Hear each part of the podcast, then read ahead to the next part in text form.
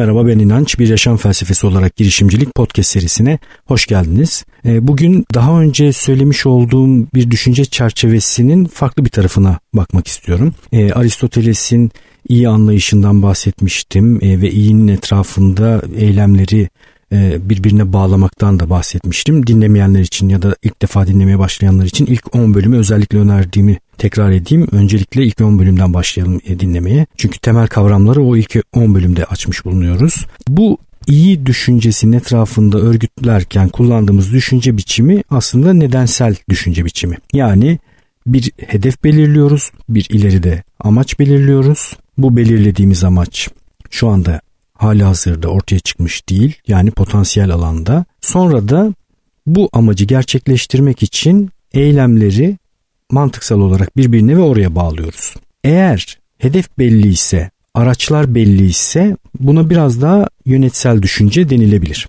Sizi bu tanıştıracağım düşüncenin bu arada sahibinden de bahsedeyim. Saras Sarasvati bir araştırma sonucu bu düşünceye ulaşıyor. E, son dönemde benim de kullanmaya başladığım bir e, düşünce çerçevesine yakın olduğu için gerçekten çok heveslendirdi beni. Ayrımları biraz önce e, anlatmaya başladım. Şimdi yavaş yavaş iyice netleşecek. Yönetsel düşünce verili olan bir hedefe elindeki araçları, verili araçları kullanarak ulaşmaya çalışıyor. Stratejik düşünce verili olan bir hedefe daha yeni araçlar bulmaya çalışıyor, yöntemler bulmaya çalışıyor. İçi, işin içerisinde bir miktar yaratıcılık var. Ee, Saras'ın araştırmasıyla ortaya çıkardığı girişimsel düşünme ya da bir şeyleri ortaya çıkarmaya yönelik düşünme, effectual reasoning demiş buna. Kendi web sitesi üzerinden açıklıyorum bunları. Linkini de paylaşacağım zaten inançayar.com podcast sekmesinde. E, girişimsel düşünmede ise verilmiş olan bir takım imkanlardan yeni gelecekler oluşturmaya çalışıyorsunuz. Ee, biraz bunun üzerine düşünelim. Şimdi ilk önce e, ne yani nasıl farklı yaklaşımlar kurgulayabiliriz bir şeye kalkışırken bir şeye girişirken o yollardan bir tanesi şu olabilir. Ee, hiçbir kısıt olmadan hiçbir sınır olmadan bir gelecekte ortaya çıkaracağımız şey hayal edebiliriz. Bu bir yaşam biçimi olabilir, ürün olabilir, hizmet olabilir. Sonra da bu geleceği şu anda potansiyelde olan geleceği açığa çıkaracak eylemleri kurgulamaya başlarız. Bu bir yöntemdir ve kullanılabilir. E, son dönemde benim biraz daha fazla kullanmaya başladığım bir başka yöntem şu. Bazı durumlarda da elimizdeki imkanların bizi nereye götüreceğini de düşünebiliriz. Örnek vereyim. Dağıtım en önemli problemlerden bir tanesi. Yani bir ürünün ortaya çıkarılan bir ürünün insanlara ulaştırılması problemi. Dağıtım problemini nasıl çözüyoruz? Ya hazır olan kanalları kullanıyoruz ya bir satış ekibi kullanıyoruz ya da pazarlama yapıyoruz. Yani insanların dikkatine kendi ürünümüzü sunmamız gerekiyor. Diyelim ki sizin elinizde etrafınızda, kendi network'ünüzde, çevrenizde bir dağıtım kanalı var. Mesela ne olabilir? Restoranlara sebze teslim eden, sebze veren ve böyle işte 300 tane restorana ulaşan bir dağıtım kanalı olduğunu düşünelim. Siz de bu şirketin sahibini tanıyorsunuz. Bu aslında şu demek sizin şu anda 500 tane restorana ulaşacak dağıtım kanalı elinizde var. Sahibini de tanıyorsunuz. Buradan da düşünmeye başlayabilirsiniz. Yavaş yavaş bunu da yapmaya başladım ben kendi hayatımda. Yani kısıtsız bir gelecek kurgulayıp ona doğru bir stratejik eylem hazırlamak onu da yapıyorum bir tarz olarak ama bazı durumlarda da elimdeki bir takım imkanları kullanarak nereye gidebilirimi de düşünmeye çalışıyorum. Bir egzersiz olarak mesela siz şu anda hali hazırda etrafınızdaki bir takım imkanları nasıl kaldıraç olarak kullanabileceğinizi düşünebilirsiniz. Dağıtım bunlardan en önemlilerinden bir tanesi. 500 tane restorana ulaşabilecek bir ürünü düşünmeye başlayabilirsiniz. Mesela eğer 500 restorana ulaşan bir dağıtım kanalını tanıyorsanız. İşte Saras bir araştırma yaparak girişimcilerin nasıl düşündüğünü ortaya, ortaya çıkarmaya çalışırken bu düşünce çerçevelerine rastlıyor. Yaklaşık 30 tane girişimciyle ve alanlarında da iyi olan yani 200 milyon dolarla 6,5 milyar dolar civarında ciroları yöneten bir takım girişimcilerle bir araştırma yapıyor. E, Amerika'da ve 17 eyalete yayılan bir araştırma bu. Girişimcilere 17 sayfalık bir problem e, bütünü veriyor.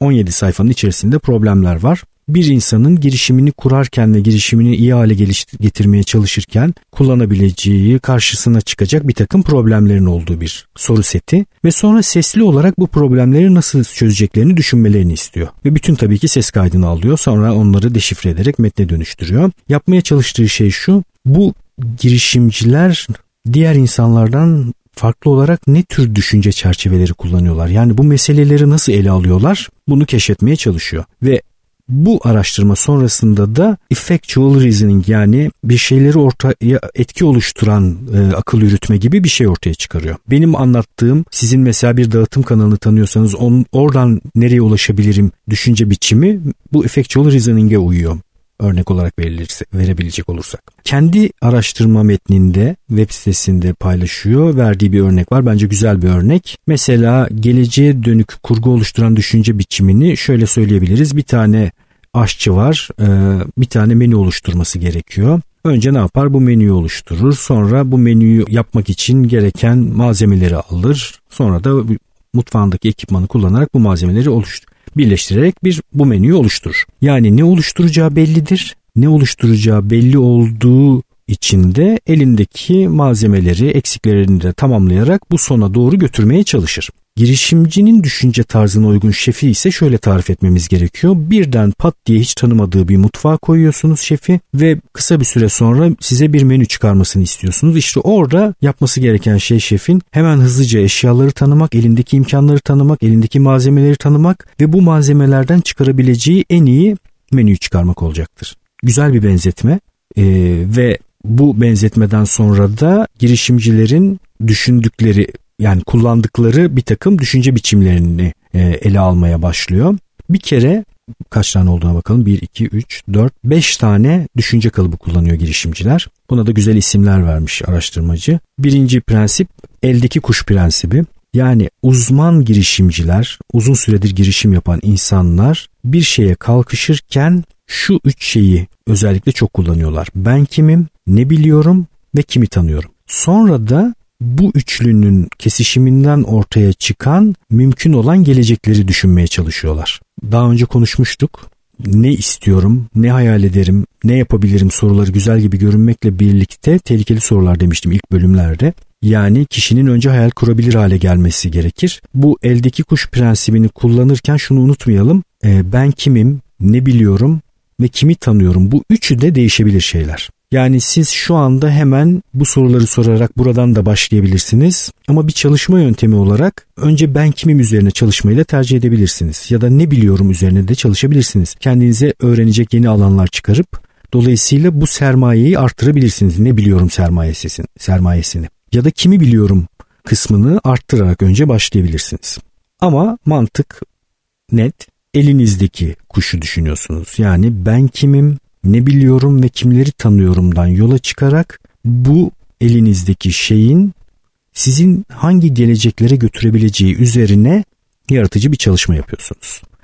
Yani o malzemelerin aktüel halinin ileride nasıl bir gelecek, potansiyel olan geleceği doğurabileceği üzerine yaratıcı bir egzersiz yapıyorsunuz. Girişimciler bunu yapıyorlar. İlk en hızlı ulaşabildikleri ve hemen kaldıraç olarak kullanabilecekleri şeyler bunlar çünkü kendileri, bildikleri ve tanıdıkları insanlar. İkincisi tahammül edilebilir kayıp ilkesi. Uzman girişimciler risk alırken, bir girişime kalkışırken nelerin olabileceği, nelerin iyi gideceği ile değil de daha çok hangi seviyede batmayı kabul edebileceklerini düşünüyorlar. Yani en kötü halinin bile onları aşırı mutsuz etmeyeceği, hayattan koparmayacağı bir takım kayıplar tercih ediyorlar. Bundan daha önce ben bahsetmiştim. Bu arada belki de şunun için çok sevdim. E, çoğu e, podcast'te dağınık olarak konuştuğumuz şeyler derleyip topladığı için önemli bence. E, Nasim Taleb'in de bununla ilgili bir sözü vardı. Risk almanın en önemli kuralı şuydu. Risk alabilmeye devam etmek lazım. Yani hayatta kalabilmek lazım. Onun için e, göze alınabilir bir takım kayıplar girişime kalkışmak açısından önemli. Üçüncü ilke limonata ilkesi demiş. Niye limonata ilkesi dediğini çözemedim, anlamından çıkaramadım. Belki bir anlamı vardır. Muhakkak vardır da. Şöyle diyor. Uzman girişimciler sürpriz faktörleri hayatlarına davet ederler, kabul ederler. Yani ortaya çıkan sürprizli durumları mümkün olduğunca kendi avantajlarına kullanmaya çalışırlar. Ya da ortaya çıkan kötü sonuçları ürünü geliştirmek için bir bahane olarak görürler gibi düşünebilirsiniz. Diğer tarafta nedensel düşünce ise ne yapıyor? Mümkün olduğunca riskleri azaltmaya çalışıyor. Bizim düşünce biçimimiz yani girişimci düşünce biçimi ise riskleri kabulleniyor. Riskler hayatımın içerisinde diyor zaten. Bir sonraki ilke yamalı e, borçça ilkesi. Yine bunun da ne anlama geldiğini pek anlayamadım. İsim, niye böyle bir isim vermiş yani böyle eğlenceli isimler vermeyi sevdiği için herhalde. Bu ilkeye göre uzman girişimciler hızla ortaklıklar kuruyorlar. Yani girişimin en başında bir takım temel ortaklıkları hızlıca kuruyorlar ki mümkün olduğunca birlikte yeni bir gelecek oluşturabilsinler. Bu da önemli bir nokta.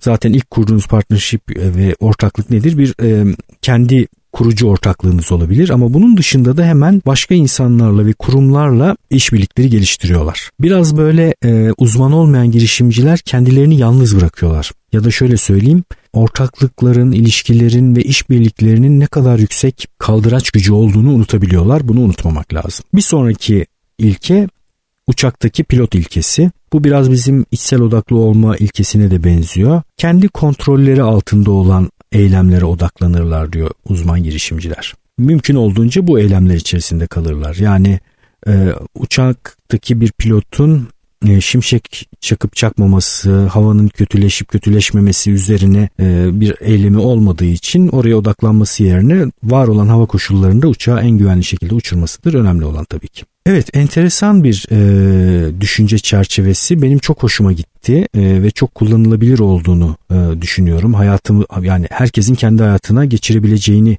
e, düşünüyorum ve farkları anlamanın da önemli olduğunu düşünüyorum. Şu anda girişim kalkmak üzere, e, girişime kalkışmak üzere, bir girişim yapmak üzere herhangi birimiz stratejik düşünmeye kalkışırsa yapacağı şey şu olacaktır. Ben acaba neye kalkışsam, hangi fikri hayata geçirsem diye düşünüp her şeyden bağımsız belki de bir fikir bulup sonra da bu fikri nasıl hayata geçireceğini düşünecektir. Bu bir yol yani bir aşçının hangi menüyü yapayım düşüncesiyle benzeyen bir yol. Diğer yol girişimci düşünce biçimi bu araştırma ile ortaya çıkarılmış olan ve biraz bahsettiğim düşünce biçimi ise geleceği tarif etmeye çalışmak yerine şu an yakınımda elimde hali hazırda ne var ve ben bunları kullanarak bunlardan daha büyük e, gelecekte bir noktayı nasıl inşa edebilirim bunu düşünüyor. Ben kimim, ne biliyorum ve kimleri tanıyorum da elindeki araçlar olarak düşünebileceği şeyler buradan yola çıkıyor. Özellikle ilk girişimlerde çok kuvvetli bir araç bu. Yani sizin hemen yakınınızdaki insanlar, hemen sizin yapabileceğiniz eylemler, neyi biliyorum sizin eylem kümeniz. Daha önce e, adil olmayan avantajdan bahsetmiştim. Adil olmayan avantaj bir girişim açısından en çok kurucuların kendi bilgi kümesinden geliyor. Kendi bilgi kümesinde olduğu için kurucuların bu adil olmayan avantaj diğerleri bu şeyi elde etmek için çok yüksek maliyetlere katlanması gerekirken onlar yani kurucular bu şeyi ücretsiz olarak kavuşmuş oluyorlar. Onun için zaten adil olmayan avantaj denebiliyor deniyor buna. İşte bu elimizde hali hazırda var olan yakın çevredeki şeyleri de düşünerek hemen aksiyona geçeceğimiz şeyler bizim başarı şansımızı arttıran bir çıkış noktası sağlıyor bize. Bir noktadan başlayıp geleceği yavaş yavaş inşa ettiğimiz için de sürekli öğrenmemiz, sürekli test etmemiz ve sürekli denememiz gerekiyor. Onun için belki çok kolay değil ama kullanılabilecek bir yol. Hangisi daha iyidir bu yollardan? Ben bu hangisi daha iyidir sorularını çok doğru bulmuyorum. E, duruma göre, şartlara göre, e, sizin ruh halinize göre, daha önce yaşadığınız başarı ya da başarısızlıklara göre bu yöntemlerden bir ya da birkaçını tercih edebilirsiniz. Ben kendi hayatımda şu son dönemde özellikle gelecek tarif edip o geleceği oluşturmak üzere bir şeyler yapma kısmını bolca kullandığım için biraz diğer tarafa doğru savrulmuş durumdayım. Yani hali hazırda benim etrafımda bulunan imkanlar neler ve bu imkanlar bana ne gibi fırsatlar doğuruyorlar. Unutmayın e, düşünme dediğimiz şey, hayal kurma dediğimiz şey, hayal gücünü kullanma dediğimiz eylem aslında hemen önümüzde bulunan şeyleri kullandığımızda bile daha önce hiç düşünmediğimiz noktalara bizi götürebiliyor. Çünkü insanlar ne kendi hayatları için ne de başka larının hayatları için ilişkilendirilebilecek her şeyi ilişkilendiremiyorlar. Böyle bir sonsuz zaman demek bu. Yani sizin şu anda kendi etrafınızdaki insanlar bildikleriniz ve kim olduğunuzun gelecekte ne gibi kurguları iyileştirebileceği ya da mümkün hale getirdiğini oturup bütün ilişkileriyle yazmanız ya da düşünmeniz zaten mümkün değil. Onun için bu tarz eylemler, bu tarz egzersizler ya da bu tarz düşünce çerçeveleri bizim daha önce hiç ulaşmadığımız sonuçlara ulaşmamızı mümkün hale getirebiliyor. hali hazırda bir startup'ın ortasında ya da üçüncü senesinde olsanız da kullanabilirsiniz bu yöntemleri. Yani e, diyelim ki bir girişimin üçüncü senesindesiniz. Satışla ilgili, pazarlama ile ilgili sorunlar yaşıyorsunuz. İki tip düşünceyi burada bir test edelim, kullanalım. Birinci tip düşüncede şunu düşünebilirsiniz. Bir sene sonunda 10 bin kullanıcıya ulaştıracağız biz ürünümüzü deyip ya da evet böyle söyleyeyim bir pazarlama hedefi koyalım daha doğrusu.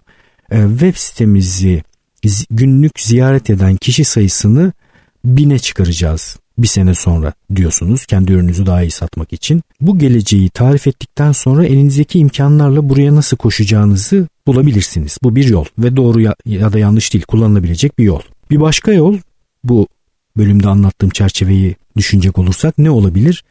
Biz pazarlama için bir gelecek oluşturmak istiyoruz. Şu anda kimleri tanıyoruz? Ne gibi bir bilgi kümesine sahibiz hep birlikte? Biz kimiz? Ve bunları kullanarak pazarlama alanında yaratıcı, bizi sıçratıcı şeyler, işbirlikleri, gelecek kurguları nasıl oluşturabiliriz diye düşünüp hemen bunları hayata geçirmeye çalışabilirsiniz. Bu ikisi sizi farklı yerlere götürebilir.